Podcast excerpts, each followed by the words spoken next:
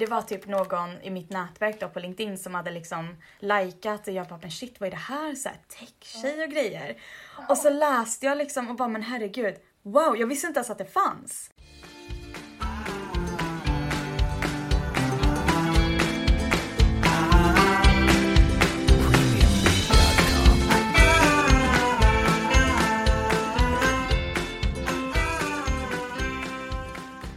Välkommen till Analytics för alla, Tanja.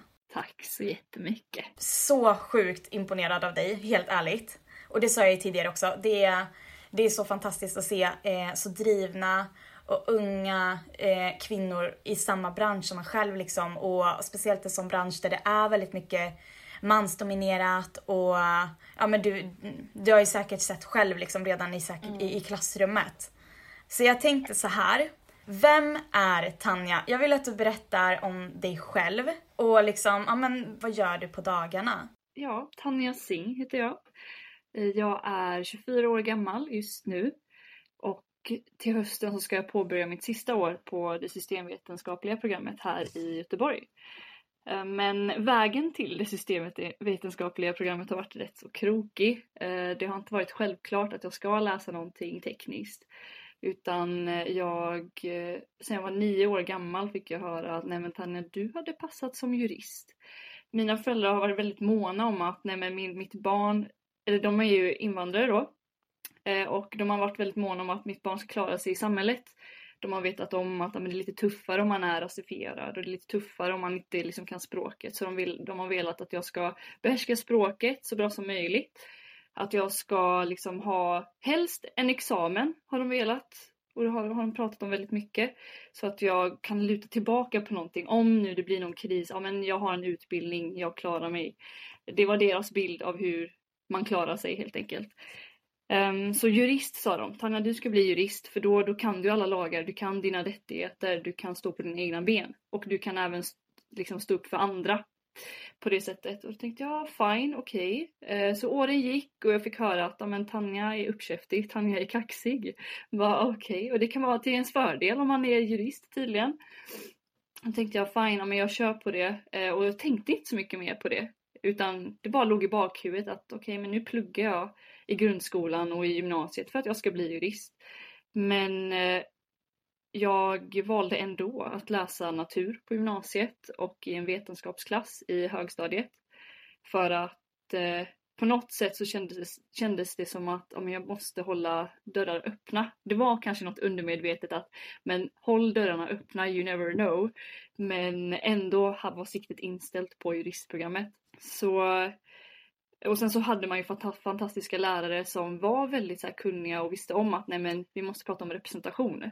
Så de tryckte mycket på att nej men eh, ni, ni tjejer, ni, ni måste hjälpa oss liksom med projektorn eller ni ska komma och fixa den här, det här tekniska och inte bara liksom ta första bästa kille och anta att med killarna är de som kan lösa de tekniska problemen som kan dyka upp i skolan. Så det, det, det tog man ju med sig. Eh, och på juristprogrammet, ja, där kände jag mig malplacerad.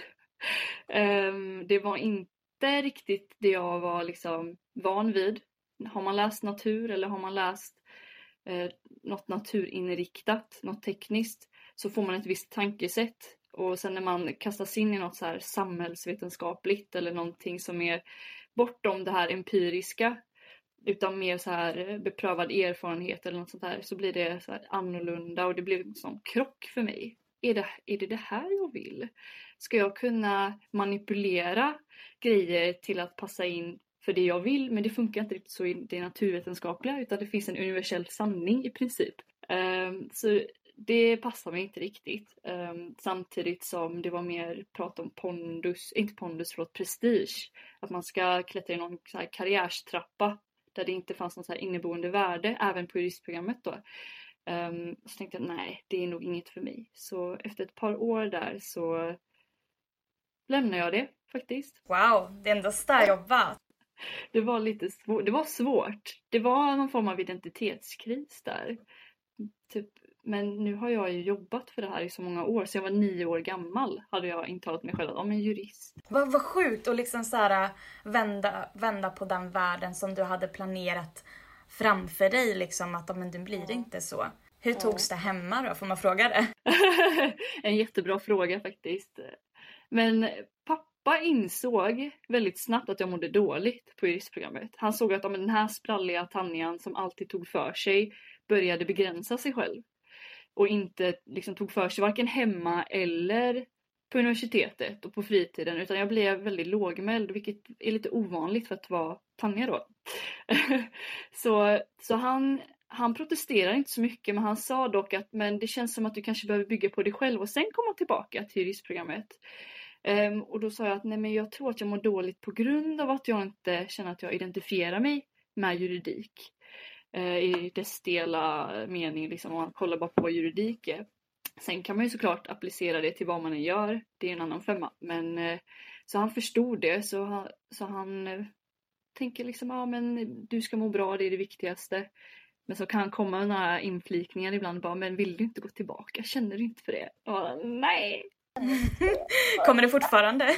ja, det gör det fortfarande. Eh, och det säger de gång på gång. Jag tror att de fortfarande hakat upp sig vid att okej, okay, om hon känner till sina rättigheter, har liksom en eh, juristexamen så kan hon få en starkare plats i samhället där hon inte behöver hävda sig utan tvärtom hennes examen hävdar liksom allting åt henne. Så att säga. Eh, så det var mer på det spåret de var på och fortfarande är på. Men sen har de insett att nu är jag mycket gladare.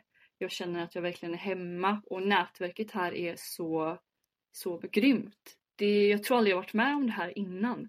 Att folk peppar och lyfter upp varandra och verkligen skapar plats för varandra. Inte att liksom man själv ska ta den utan de verkligen säger men kom hit, det finns en plats för dig. Och det, det är underbart. Ja men det betyder mycket. Ja.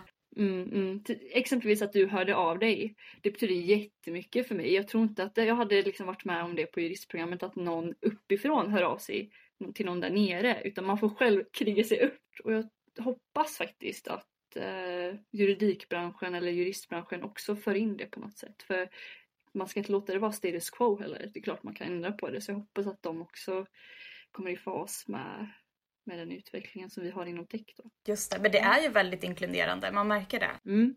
Mm, mm, precis, och jag tycker att det är väldigt bra att man även lyfter upp det som finns kvar att jobba med. Eh, för det är ju det vi vill. Vi arbetar ju för att det ska liksom finnas en bättre representation så att tekniken även är till för alla och inte bara en begränsad del av befolkningen. Eh, men ja, så då lämnade jag juristprogrammet och eh, läste till lärare. Wow! wow, okej! Okay. Ehm, um, och för det, det, blev ungefär, nu låter det jättekast, men jag tänkte att jag kan, det för det är lite lugnare tempo än juristprogrammet för där är det typ 12 böcker för en kurs liksom. Men på det pedagogiska planet eller på lärarprogrammet så var det mycket lugnare, man fick tid att reflektera och hitta sig själv samtidigt som jag får någonting som jag gillar. För jag undervisade mycket under juristprogrammet också som vikarie och tyckte att det var jätteroligt. Eh, för man, man fostrar framtiden ungefär. Man får träffa på de yngre som kommer att bana, eller bana vägen, kanske inte man ska säga, utan de kommer vara framtiden. Eh, och det kände jag var uppfriskande att wow, nu kan jag verkligen börja på gräsrotsnivå. Eh, så då undervisade jag bland annat juridik, några andra ämnen också. Och så då läste jag till lärare och kände att men det här vill jag jobba med vid, vid ålderns höst liksom, när jag blir lite äldre. Inte kanske nu, kanske när man är 50 någonting. Eh, så då tog jag en eh, lärarexamen med ämnet juridik så jag kan undervisa i juridik. vad fantastiskt att du får liksom, att du, eh, ja men vad, vad säger man, du, du flätade ihop det väldigt fint. Mm. Ja men precis, jag tror nog att det, det gjorde så att jag växte också som en person och jag tror att det också har bidragit till att jag mår mycket bättre och vet om vad jag vill göra. När man läser liksom om hur man ska fostra de yngre till att hitta sig själva så fann jag mig själv på köpet kan man säga och visste men tech är nog det jag vill syssla med. Så det var i den vevan som jag insåg att nej men programmering. Så i slutet av det programmet, lärarprogrammet då så började jag kolla runt vad är det jag ska plugga nu då här efter som jag vill arbeta med under de här åren som kommer då. Så insåg jag att men jag läste ju natur, jag läste på, i vetenskapsklass, vad var roligast där? Jo men det var typ teknik. Jag har alltid varit den hemma som har fixat datorerna, alla enheter som har funnits liksom. Mina föräldrar är från Indien så de kollar mycket på indiska kanaler. Och då får man ju en box liksom, eller back in the days var det en box. Uh, och då skulle man kalibrera det liksom att okej, okay, det är de kan... och då hade de alltid problem med det och bara Tanja, du, du är bra på sånt här, kom och fixa det här. Och bara ah, okej. Okay. Jag bara, vet ni om att man kan googla? Men så, och jag har ju bröder, jag har en storebror och en lillebror men det var mig de kom till för att jag Wow! Uh. Jag var inte sån som kunde allt från början utan de visste att hon kommer kolla upp det här. Hon kommer att lära sig det här för att se till att problemet löser sig. Um, så det är inte så att jag är liksom född som ett geni utan jag verkligen börjar från noll och vet om att för att komma någon vart så måste jag ta mig upp. För jag var alltid i storebrorsans skugga. Han var den som kunde allt och så kom jag där och bara Jaha, nu ska jag kunna mer än dig. Typ så. men, men de här boxarna fick man ju greja med. Men du har antagligen också fixat sådana boxar? Ja, ja, ja. Jag har också vuxit upp med det. Ja, ja, ja. Så det, det är samma grej där. Alltså det, men, eh, men jag har också en storebrorsa som, så han fick ta det jobbet. Jag fick inte göra det. ja. Lucky you. Så det fick, bland annat det fick jag göra då hemma. Så jag kände igen mig att ja, men det kanske är det jag borde göra. För det är typ essensen inom tech, problemlösning.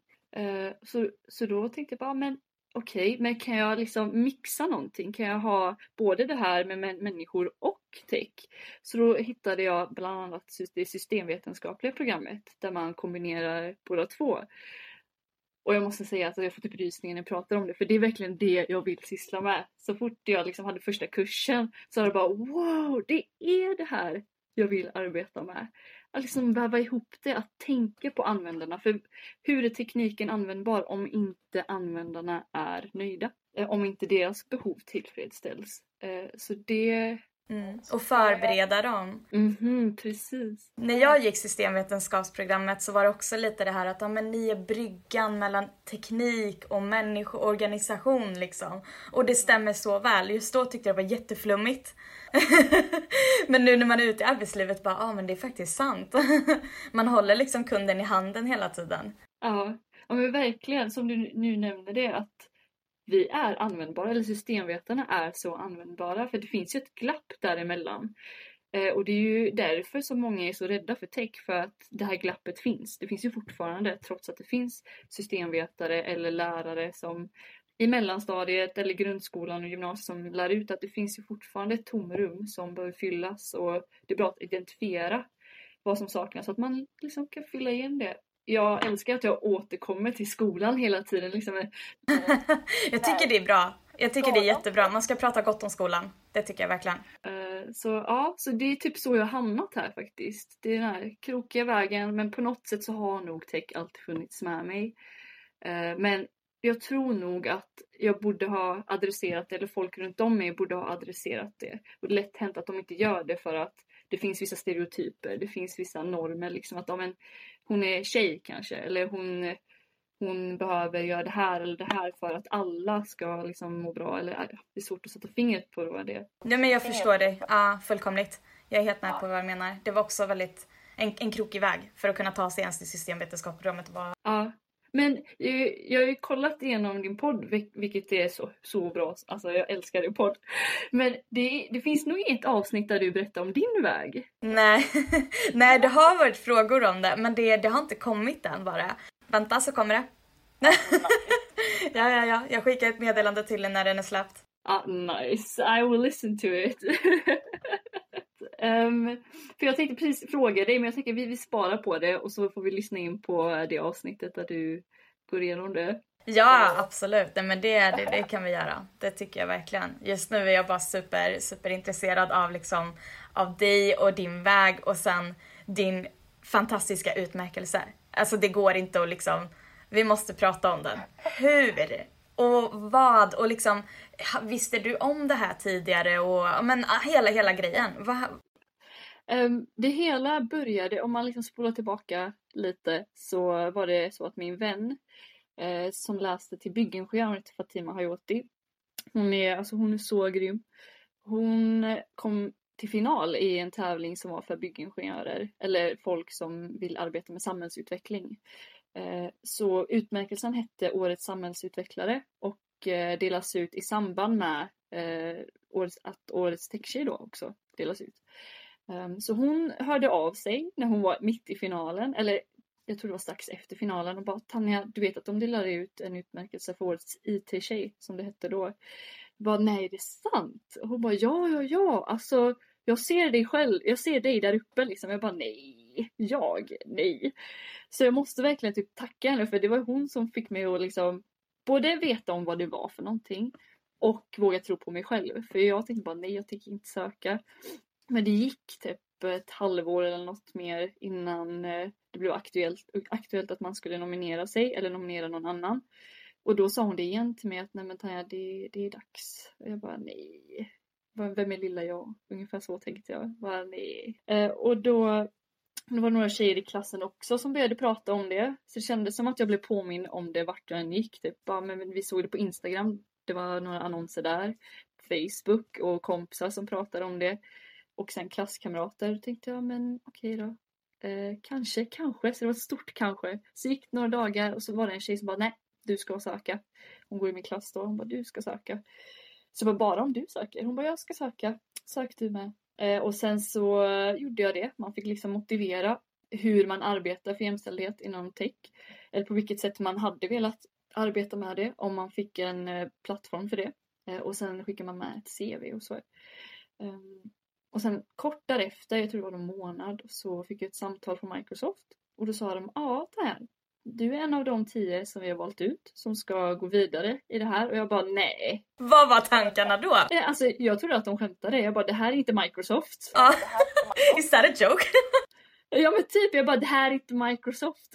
och de bara jo, och jag bara nej det är sant. Och sen när det liksom bara sjönk in att oj det här är sant så började jag skrika. Eh, och då, ja, och det kommer hon ihåg, hon som ringde upp mig för hon har liksom kommit tillbaka till det väldigt ofta. Bara, men ta, du tror fortfarande inte att du har vunnit va? Jag bara alltså nej. Så det var det och sen när vi väl var i Stockholm på assessmentdagen då som det heter där de testade, inte testade oss men såg vad vi brann för, vad vi tycker och vad vi kunde så, så träffade jag på de andra nio. Och de var så otroligt smarta, så otroligt drivna och inkluderande. Jag såg ju varenda en där som vinnare. Inte mig själv, verkligen minst mig själv. Alltså det, ja. Nej men det är vanligt, man ser inte sig själv som det. Alla andra är vinnare, man själv suger liksom så. Du skulle sett mig där. Jag bara alltså nej, ni är så grymma. Jag fangirlade typ och de bara men Tanja lägg av. Och jag bara nej men jag är seriös. Jag bara dö. För de var grymma, de var så kunniga och liksom någon läste typ rymdforskning man bara I don't know about that. och någon liksom var jättegrym på typ teknisk fysik och det ena och det andra så kom jag här bara Hello. Du bara jag har lärarexamen. ja men typ exakt. Jag bara, som, som en lärare så tycker jag det ena och det andra. Jag kommer med de här aspekterna och kände inombords bara, det kanske inte ens är relevant Tanja. Varför tar du ens upp det här? Du borde kanske bara vara tyst. Eh, men de var så otroligt duktiga och vi har ju fortfarande kontakten som tur är. För jag tänker att alltså fine, jag kanske har vunnit det här. Men vem är jag utan hela nätverket? Vem är jag? Vad, vad är det ens jag brinner för? Jo men det är ju nätverket, det är att stärka. Och det måste vi göra tillsammans. Så vi ska försöka hålla kontakten och liksom använda plattformen tillsammans. Jag tror att det är the way to go med detta för att nå ut till de yngre och så vidare. Men eh, så när vi var där, alltså jag började ju stamma. Vi hade en sån här presentation och jag har talproblem faktiskt. Jag har jobbat jättemycket på att inte liksom snubbla på orden. Jag vet inte om det beror på att mina föräldrar pratar två olika språk från Indien och liksom svenskan och sen liksom engelskan och så har man läst moderna språk i skolan. Liksom språk på språk på språk. Så det blir lite äggröra över det hela. Jag har försökt att förklara det, förlåt, jag har försökt att förklara det själv också så att förlåt att jag så snubblar på orden. Eh, för jag också typ, vad blir det? Vi pratade tre språk hemma. Och då var det också väldigt mycket liksom så här, jag, jag kan fortfarande bara börja snubbla på ord eller så här, stamma och bara, men gud alltså. Ja men precis, alltså det är verkligen så. Det är så skönt att få det bekräftat att det är, att, eh, sorry men det känns skönt att veta att det är a thing. Ja, du är inte koko, det är lugnt. jag är också det. Ja, ja, ja. Ja men precis sådär men nu på senare tid så ser jag det som en superkraft liksom. Alltså wow, vi kan många språk. fine att vi snubblar men det är alltså ett litet pris att betala liksom för att kunna så många språk. Så, så jag sa faktiskt det där och det, det kändes som att okay, folk sa att de var så grymma och jag bara, jag kanske bara ska se sanningen. Jag bara, hej jag heter Tanja, jag har talproblem. Eh, så det var typ min entry, jag bara jag har talproblem så därför läser jag massa böcker och liksom försöker lära mig och liksom säga orden i huvudet på något sätt för att förbereda the speech.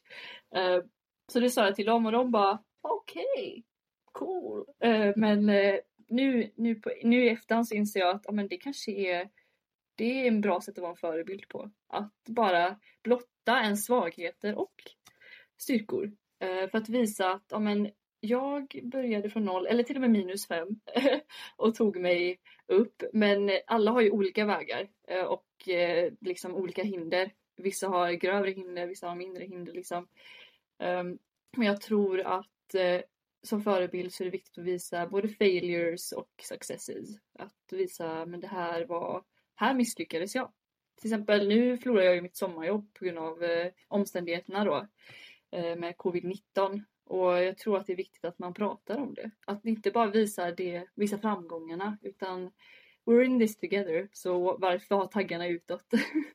Ungefär den approachen försökte jag visa, inte visa utan bara ha. Jag försökte verkligen vara mig själv och därför pratar jag om det här med lärarperspektivet för att det är det jag har med mig, mitt bagage liksom. Och att ja, men jag har talproblem, försöker jobba på det och det ena och det andra. Och antagligen gick det hem, because jag vann. Du har tavlan på väggen så... så lesson learned. Blotta era svagheter.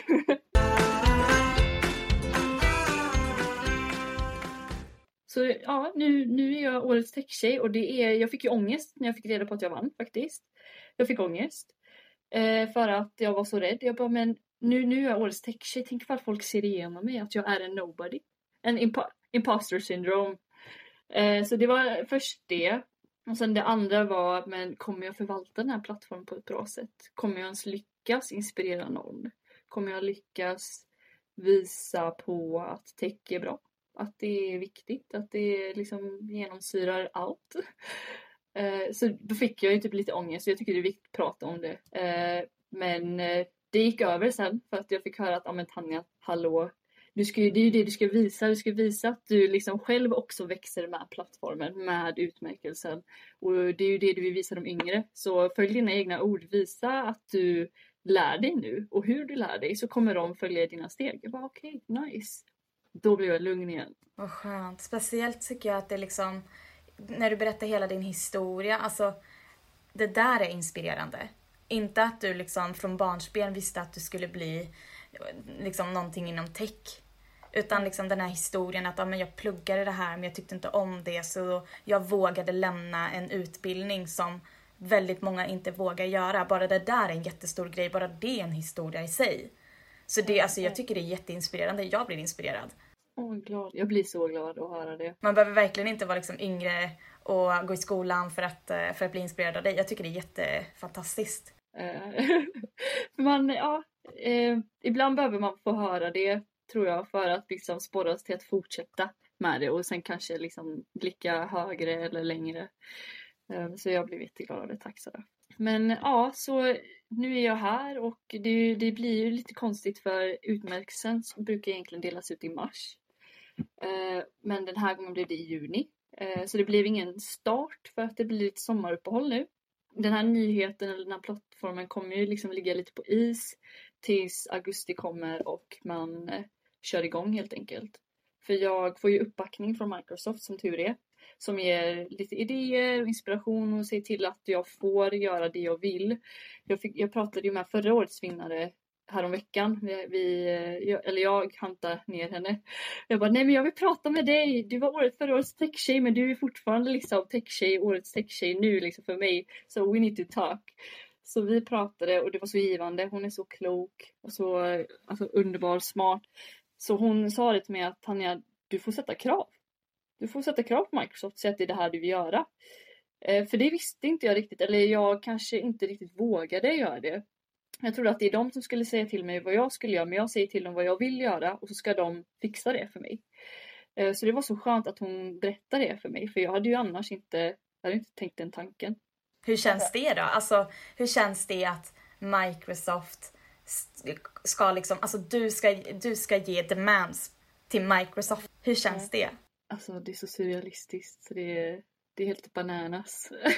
Kommer du vara på deras kontor någonting då i höst eller vad är tanken? Liksom? Uh, vi har ju pratat om det uh, och planen är att jag ska kunna åka dit. Och, men ja, under de här omständigheterna så är det lite svårt att veta hur det blir för de vill ju helst att jag inte ska behöva åka kollektivt, det blir ju tåg liksom. Uh, men jag tror nog att det blir av. Det, det ser jag fram emot. Jag tycker helt klart att du ska gå in dit som värsta boss-tjejen och bara lyssna allihopa. Jag är årets tech-tjej, okej? Okay? Hämtar vi kaffe? oh, jag får typ, det är sån affirmation jag får typ ge mig själv. Jag bara yes, jag gå in. Du har rätt till att göra det basically, så jag förväntar mig det. Och nu, nu fick jag en push i den riktningen, I will do it now alltså. Jag hade inte tänkt det själv. Alltså jag uppskattar verkligen dina ord. I'm, I'm gonna do it. Men det är liksom, man behöver höra det här. Alltså, i vissa behöver det i alla fall. Jag är en av de som behöver höra det. Jag kan sitta så ibland och lyssna på så motivational speeches och bara ja, I can do this. Yes, och den som lyssnar, you can also do this. Men vad kul. Men vad är det för plattform då? Eller du får inte säga det kanske? Alltså plattformen är ju i princip själva utmärkelsen och, och att de med sina kontakter kan fixa så att man når ut till de yngre, alltså det vill säga man kan gå ut i skolorna eller bjuda in eh, folk till deras kontor, alltså de yngre då, och ha alltså någon form av så här workshops, insp alltså inspiration och så. Eh, samtidigt som de kanske vill att jag ska vara med i olika webinars eller podcasts också. Eh, så de vill ju att jag ska använda plattformen till att både nå ut till de yngre och till branschverksamma för att liksom visa på vikten av inkludering eller representation inom branschen. För, det, för nu, nu tycker jag att det är så viktigt att man pratar om representation och inte bara jämställdhet. För att det ska bli mer intersektionellt. Att visst, vi, har, vi ska få in fler kvinnor men vi ser även att det fattas ja, men typ folk i olika åldrar, folk med olika så här, etniska, förlåt, andra hudfärger, etnicitetsbakgrund, alltså you need it all i tech.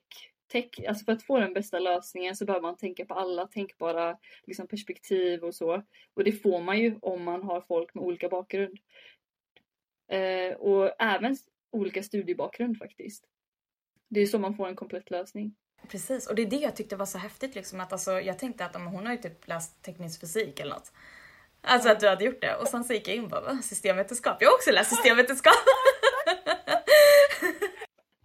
Ja men precis, nej men jag menar tänk bara på de här lösningarna, apparna som finns där man har in kognitionsvetare eller beteendevetare för att få folk att fortsätta använda en app.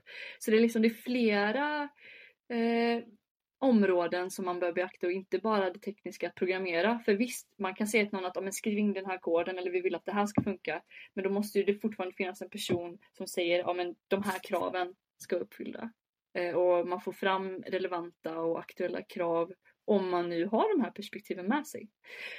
Um, så ja, men vi, vi, vi, kan ju liksom bara ta upp, uh, alltså det finns så mycket man kan ta upp. Jag brukar prata om krockkuddar, eh, krockdockor, förlåt, krockdockor och röstigenkänning och ansiktsigenkänning.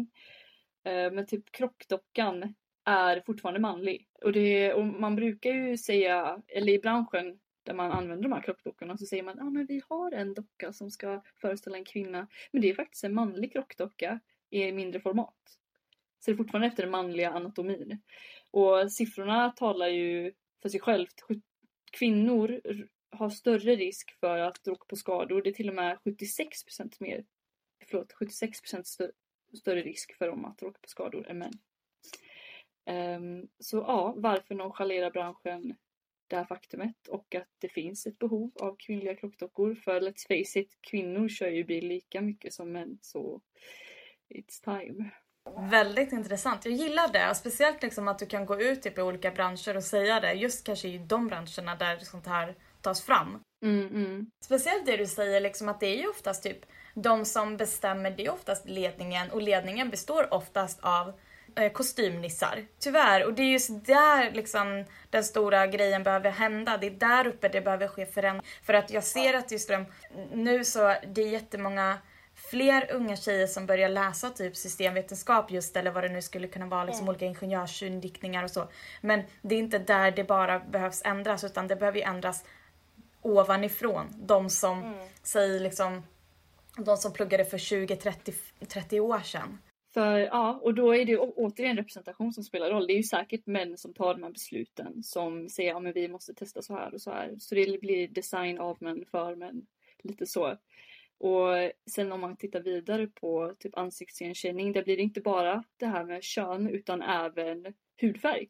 Så där ser man ju att eh, vi måste ju ta tag i det här nu innan det blir så här hugget i sten att nej men det har alltid varit så, vi kan inte ändra på det för att tittar man idag och vi pratar om hundra år tillbaka så säger vi nej men det är ju helt absurt att det var så där. Ja men det var ju ingen där och då som ifrågasatte det så det kanske är dags att vi ifrågasätter, ifrågasätter nutiden innan det är för sent. Så det, det ser jag fram emot att göra, att vara den som bara pekar finger och bara no, no, no. och Microsoft exempelvis, för det är det företaget jag kommit närmast under studierna med tech och så. Där jobbar man ju jättemycket med representation och inkludering. Vilket sen man ser i varje avdelning eller grupp. De försöker ju verkligen föra in det. Jag tror nog också att okej, fine, jag blir vinnare men det kanske för att jag tar fram de här perspektiven också för att jag har med perspektiv som är rasifierade person också. Så jag tycker faktiskt att, som du nämner, det kommer uppifrån och därifrån så kommer det genomsyra avdelningar eller instanser nedan. Eh, typ rekrytering. De som rekryterar, de har ju också eh, ett, vad ska man säga, en viktig roll i detta. För att se, ja, men, vilka behov behöver vi fylla och för att kunna fylla dem behöver vi de här personerna. Liksom bara den reflektionen kommer ju att bana för förändring och såklart så får de ju direktiv uppifrån. Så jag, jag minns faktiskt när jag var, jag gick i högstadiet och så hade vi en så här studie, ett studiebesök hos en brandstation. Eller på en brandstation och då skulle vi testa olika grejer och jag minns att det kom från en brandman och bara du hade passat som brandkvinna. Eh, och de orden har jag fortfarande med mig och hör dem hela tiden så ibland när jag liksom tränar och känner, när jag känner mig svag så tänker jag tillbaka på den brandmannen som sa att men, du är stark, du hade passat som en brandkvinna. Och att få, att få höra det, fine nu valde inte jag att, att bli brandkvinna men att få höra det får mig ändå liksom tänka att jag kan. Hade jag velat hade jag kun, kunnat liksom. Och det pushar en och antagligen så har jag också fått höra det någonstans för tech också att ja, men, okej mina föräldrar då Tanja kan du fixa den här kanalboxen. Eh, men det sätter ju sig också för då får jag så här positiva känslor för tech för att någon trodde på mig eller någon kände ja men Tanja skulle kunna klara av det här. Eh, så det, det spelar ju jättestor roll som du nämner att man får höra det på något sätt. Antingen rent ut, ja men du hade passat som det här eller men du är ju bra på det här, kan du hjälpa mig typ? Hur tror du det hade kanske kunnat spegla sig till den yngre generationen som speciellt liksom man ser ju unga tjejer, alltså ja men natur, nej men det är för nördigt, aha okej, då går kanske många samhälle, ekonomi. Mm, mm. Jag gick ekonomi för jag visste inte bättre, jag, visste, jag hade ingen aning om vad jag skulle gå. Och det kändes så fel hela tiden liksom. Så hur skulle man kunna, hur, hur kan man anamma det när det kommer till den yngre generationen då? Mm, mm. Alltså det finns nog flera steg. Vi ser ju redan nu hur det liksom har börjat ändras. Eh, vi ser i filmer liksom hur man porträtterar den tekniska personen som en kvinna nu för tiden. Eh, kollar man på den här Oceans 8 där det är kvinnliga huvudroll, huvudkaraktärer så är ju Rih- Rihanna hackarpersonen typ som hackar och håller på med tech. Jag gillade det. Alltså det var verkligen det var så nice. Jag önskar att jag såg den när jag var liten. Det sätter ju bollen i rullning tror jag. Eh, förebilder i både media och, och att man får se att men den här techkvinnan är inte på ett visst sätt. Det, ja. Det är den här stereotypa fortfarande existerar att så här, ja men ska inte du, alltså att man, man ska se nördig ut, man ska se så här ut, man är så här, eller liksom man, man är lite tillbakadragen eller inte social av sig. Men det stämmer ju inte alls. Nej. Ja men verkligen. Och det tror jag är viktigt att man visar på. Att man visar att ja, men, hon som knackar koder där borta, hon älskar fashion eller hon älskar fotboll. Hon älskar, hon kan gilla vad hon vill alltså. Men hon har en plats inom tech. Det är så det är. Och det tror jag är jätteviktigt att man visar på. Um, för jag har, jag har hatat så här norm eller könsroller typ kopplat, eller könsroller överlag. Uh, men kopplat till yrken då blir det bara alltså nej. Måste det vara så här? Alltså nej. It's, det är 2020 nu. Vi, vi ska släppa det där. Yoga, alltså nu, nu nämner jag saker som man inte associerar med tech. Eh, typ smink, vad blir det mer? Typ fashion. Att man är social. Eh, att man inte dricker energidricka. Men det, det, är just det liksom så här, äter hälsosamt eller vad det nu skulle kunna vara. Väldigt mycket ytliga faktorer är det. Ja. Jag hade velat att man jobbade med när det kommer till så här förebilder, att inte lyfta fram den här stereotypa det är en kvinna med en kavaj. Antingen så är det en kvinna med en kavaj som jobbar med typ HR eh, inom tech. Eller så är det ja, men den här asociala personen. Eller nördiga personen. Vilket, vi, det, får, det får jättegärna vara en asocial person men jag tänker det finns så mycket mer också. Så vi kan ha allihopa och man får se, ja men look at us, vi är a bunch of different people. Mm, det spelar ingen roll liksom. Ja men det, det, är så sant. Det spelar ingen roll vart du kommer ifrån. Det spelar ingen roll vilka språk du kan, hur du ser ut, vad du har för intressen. Mm. Det är inte det som definierar vad du vill liksom jobba med.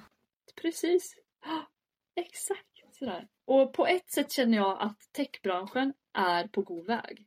Eh, det, är, det är typ en mer inkluderande bransch än vad jag upplevde att juristbranschen var.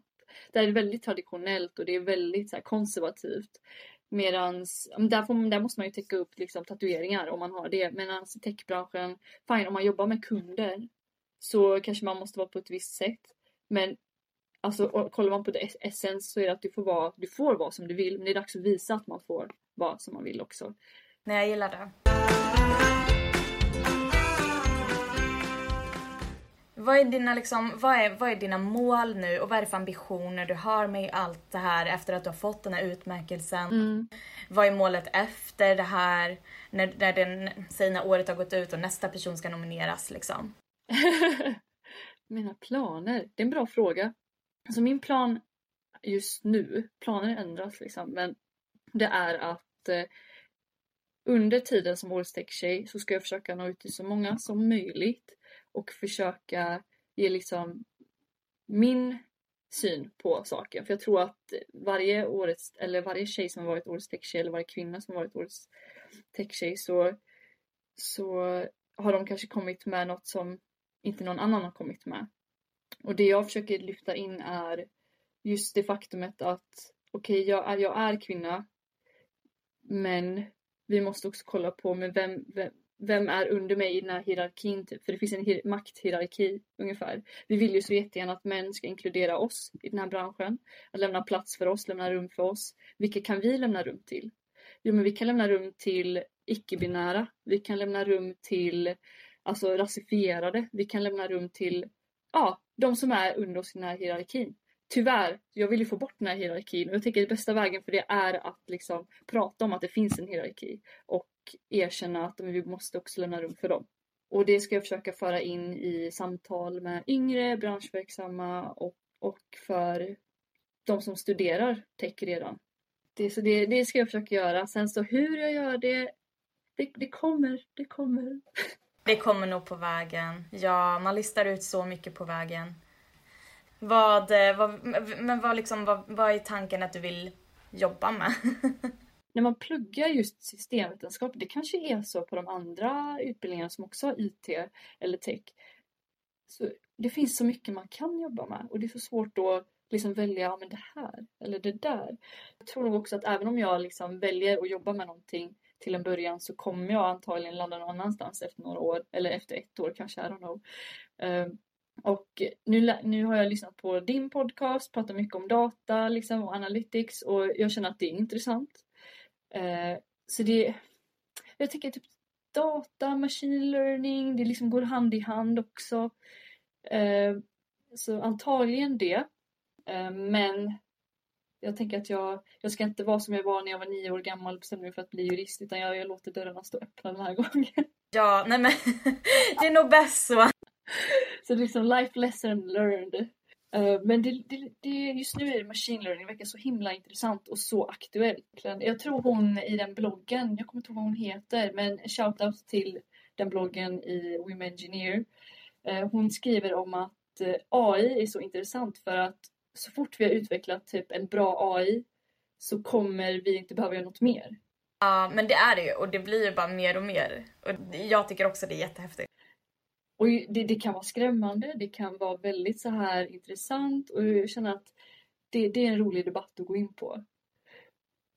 För det, det är ju inte verklighet just nu men det kan bli vår verklighet. Så vad vill vi? Vill vi nå dit? Och plus jag lyssnade på, jag måste bara säga att återigen din podd är grym. Jag lyssnade på, på avsnittet med kvinnovation innan eh, vi började spela in. Och säga att det var, det var så givande. Och så, jag blir så peppad för en av dem läser ju fortfarande på gymnasiet tror jag. Och det är, det är helt, alltså. Ja, det är jättehäftigt. Ja, Gabriella hon pluggade fortfarande, hon var 16 var hon. Alltså när man träffar henne, det var, jag fattar ingenting. Alltså Gabriella om du lyssnar, alltså I am your liksom fan. Du är min förebild. Ja, I'm also your fan Gabriella, det vet du. ja, ja, ja, alltså det är helt otroligt. Det, det, det, det, liksom, det finns så fantastiska och engagerade och drivna kvinnor här ute och liksom unga tjejer och vi behöver liksom bara lyfta och hålla varandra i handen och bara, alltså vi måste verkligen det för att det finns så många. Mm, mm. Ja men verkligen, alltså så grymt. För jag hade ju jag hade inte hört talas om kvinnovation förrän jag lyssnade ju på ditt avsnitt då. Så det är alltså verkligen grymt. Jag tycker det är jättestort jobb alltså att du lyfter upp eh, så här, framstående så här, kvinnor, nätverk och föreningar. Det är grymt. Ja, nej men jag kände verkligen att det här är någonting som, eh, det får vara åt sidan av Analytics men det här måste komma fram. Mm, mm.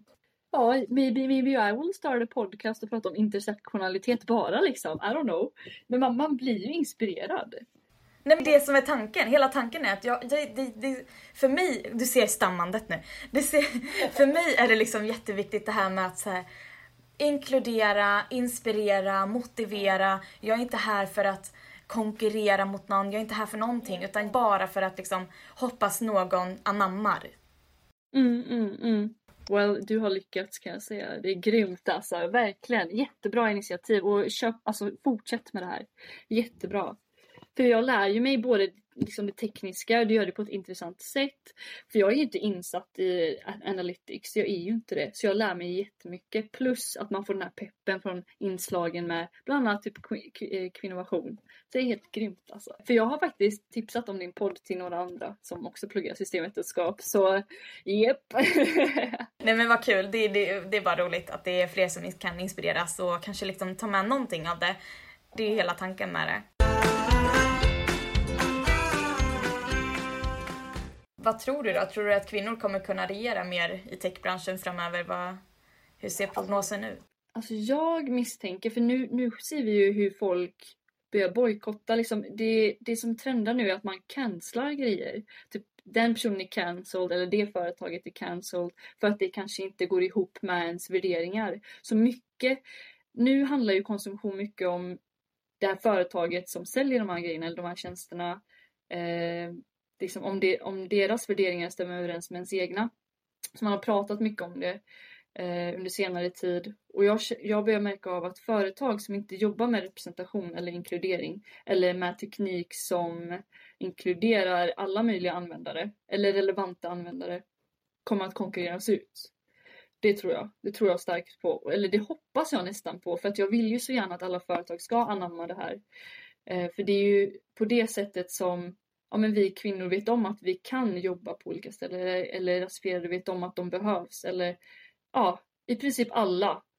Tekniken som kommer fram nu är på något sätt en demokrat, demokratisk fråga. Vi ser ju också hur eh, digitaliseringen förs in i läroplanerna.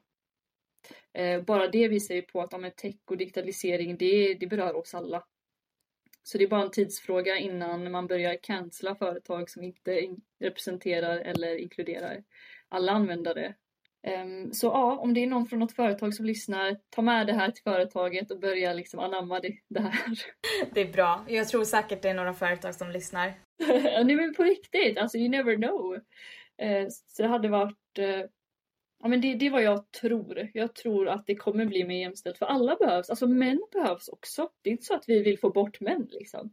Utan det ska vara, alla ska vara representerade för att tekniken berör oss alla. Men eh, jaha, hur ser sommaren ut för dig då? Eh, sommaren, ja. Man, eh, man kan ju drömma sig iväg till ett annat land, kan man ju göra, men inte åka dit. eh, nej men det blir att ta det lugnt. Nu har jag haft några möten och så fram och tillbaka och parallellt med några sommarkurser för jag tänker att jag vill ju lära mig mer. Jag känner mig fortfarande grön om fingrarna inom programmering. Så jag läser två sommarkurser i Python och C++. Eh, så det gör jag samtidigt som jag ska försöka ta det lugnt. Så inga mer möten nästa vecka och veckan därpå. Utan bara ta det lugnt, fokusera på kanske plugget och om det blir fint väder. Dra till någonstans där det finns vatten, typ en sjö, någon strand. Och ta det lugnt, tror jag. Och jobba på mig själv. Själv då? Um, ja, jag jobbar ju veckan ut. så det är bara att överleva. är det semester sen eller? Um, ja, det är semester sen, tack och lov. Ja, efterlängtade semestern. Ja, ja, ja, ja. Alltså det, det är så sjukt. Man förr så man bara, åh, tio veckors sommarlov, hur ska man överleva? Nu är det så här, wow, jag har fyra veckors semester. Och verkligen, kontrasterna alltså. Ja, men det är så sjukt. Ibland kan jag sakna skollivet liksom och bara, wow, jag kommer inte börja skolan igen förrän typ så här, slutet på augusti det var, universitetstiden var ju typ så, om du inte hade någonting under sommaren liksom att plugga då var det ju fri som en fågel. Så det, det saknar jag verkligen. Men tyvärr, ja, det blir jobb eh, och sen så kanske åka ner till Göteborg, älskar västkusten. Nej vad kul, vi får maybe take a fika if you're here. Maybe take a fika. jag måste säga att din bild var jättefin på LinkedIn.